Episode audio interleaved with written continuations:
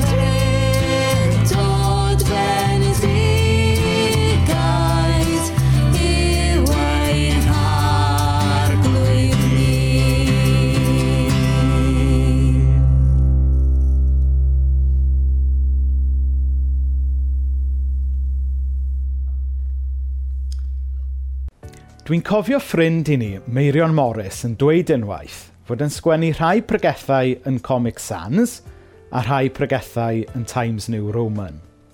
Ac hyn i fi fynd ymlaen, dwi eisiau dweud mae pregeth Times New Roman sgenu i chi heddiw.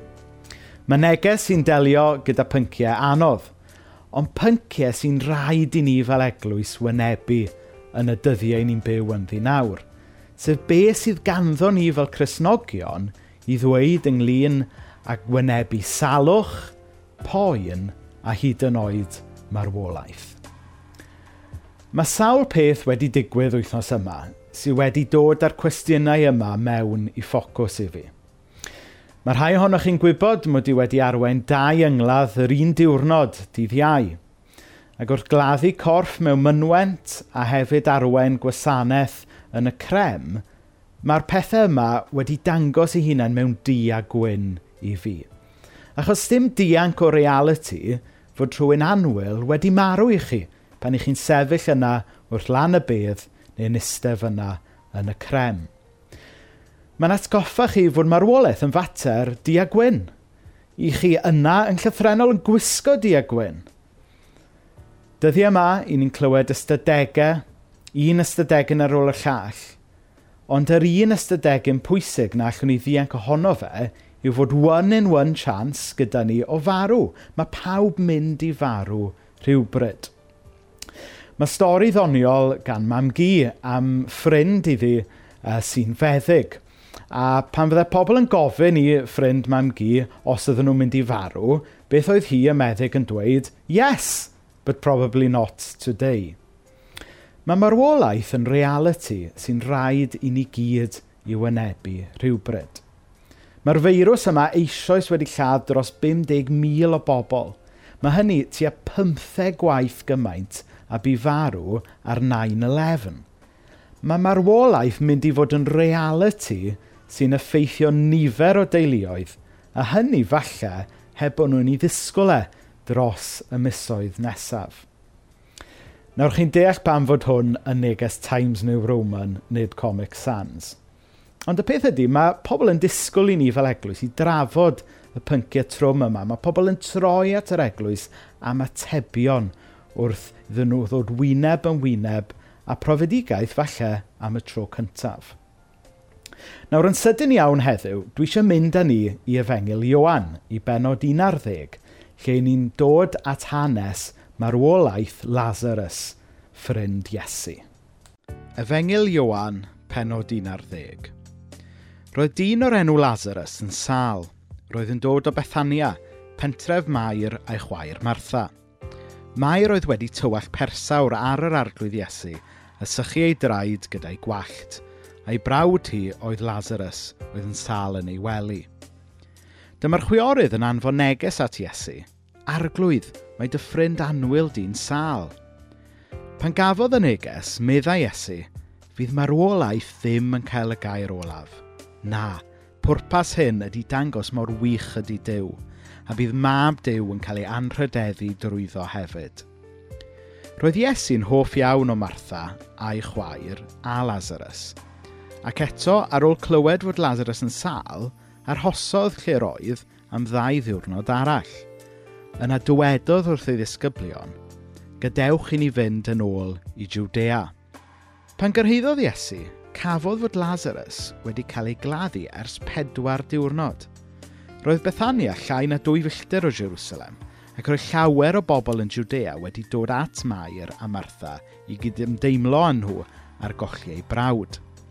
Pan glywodd Martha fod Iesu'n dod, aeth allan i'w gyfarfod, ond arhosodd Mair yn y tŷ arglwydd, meddai Martha wrth Iesu. Tase ti wedi bod yma, fyddai fy mrawd ddim wedi marw. Ond er hynny, dwi'n dal i gredu y bydd Dyw yn rhoi i ti beth bynnag rwy ti'n ei ofyn ganddo. Dywedodd Iesu wrthi, bydd dy frawd yn dod yn ôl yn fyw. tebodd Martha, dwi'n gwybod y bydd yn dod yn ôl yn fyw adeg yr atgyfodiad ar y dydd olaf. Dywedodd Iesu wrthi, Fi ydy'r atgyfodiad a'r bywyd. Bydd pawb sy'n credu yno fi yn dod yn fyw, er iddyn nhw farw. A bydd y rhai sy'n fyw ac yn credu yno fi ddim yn marw go iawn. Wyt ti'n credu hyn? Ydw arglwydd, meddai Martha wrtho.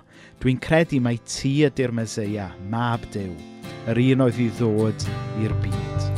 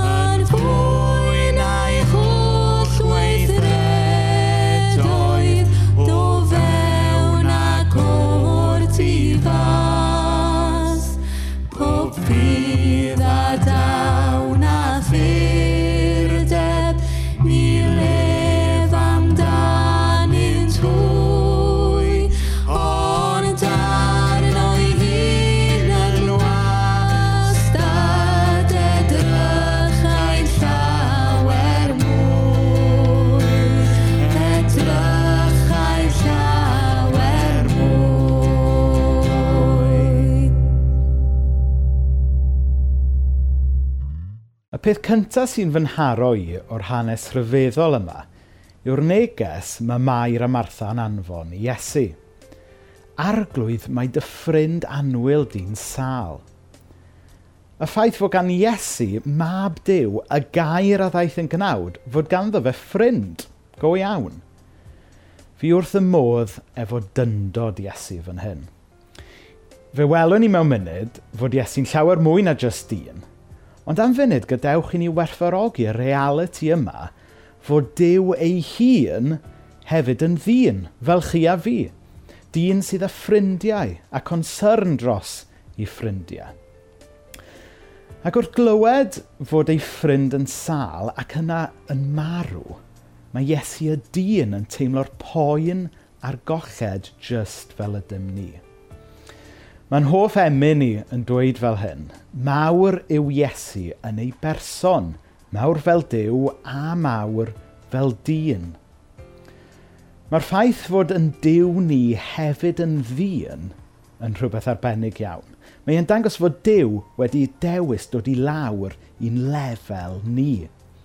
Ac felly, mae e'n medru cydymdeimlo efo ni. Mae e'n medru crio efo ni. Mae e'n medru tosturio efo ni. Mae Dyw yn ddiw sy'n unieithu hun efo ni. Y rhan trawiadol nesaf o'r hanes oedd geiriau cyntaf Iesu ar ôl derbyn y newydd fod Lazarus yn sal. Mae e'n dweud fel hyn, fydd marwolaeth ddim yn cael y gair olaf. Nawr mae hwnnw, dwi'n meddwl, yn neges broffwydol i ni heddiw. Er fod yr ystadegau am farwolaeth y feirws yn codi pob dydd, ac er y dylen ni fod yn barod i wynebu reality y dawmarwolaeth i'n rhan ni rhyw ddydd, fel mae'r hanes am ffrind mam gi yn dweud, welai dau, Well, yes, but probably not today. Ond oedd wraidd y gobaith chrysnogol ni'n credu ynddo ydy addewid Iesu fan hyn. Fydd marwolaeth ddim yn cael y gair olaf.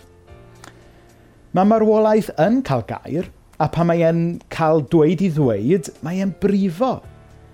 Oedd Iesu fel i ni yn brifo wrth weld i ffrindau yn marw. Ond yn allweddol, nid marwolaeth sydd ar gair olaf. A mae hynna'n rhan o'r gobaith chrysnogol. Fel mae'r hanes yn mynd yn ei flaen, mae marwolaeth yn gwneud ei weithaf, ac mae Lazarus yn marw. A hynny cyn i Iesu gyrraedd.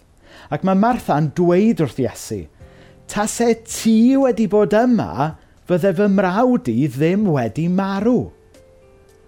Nawr mae ymateb Martha yn ddynol ac yn hollol naturiol.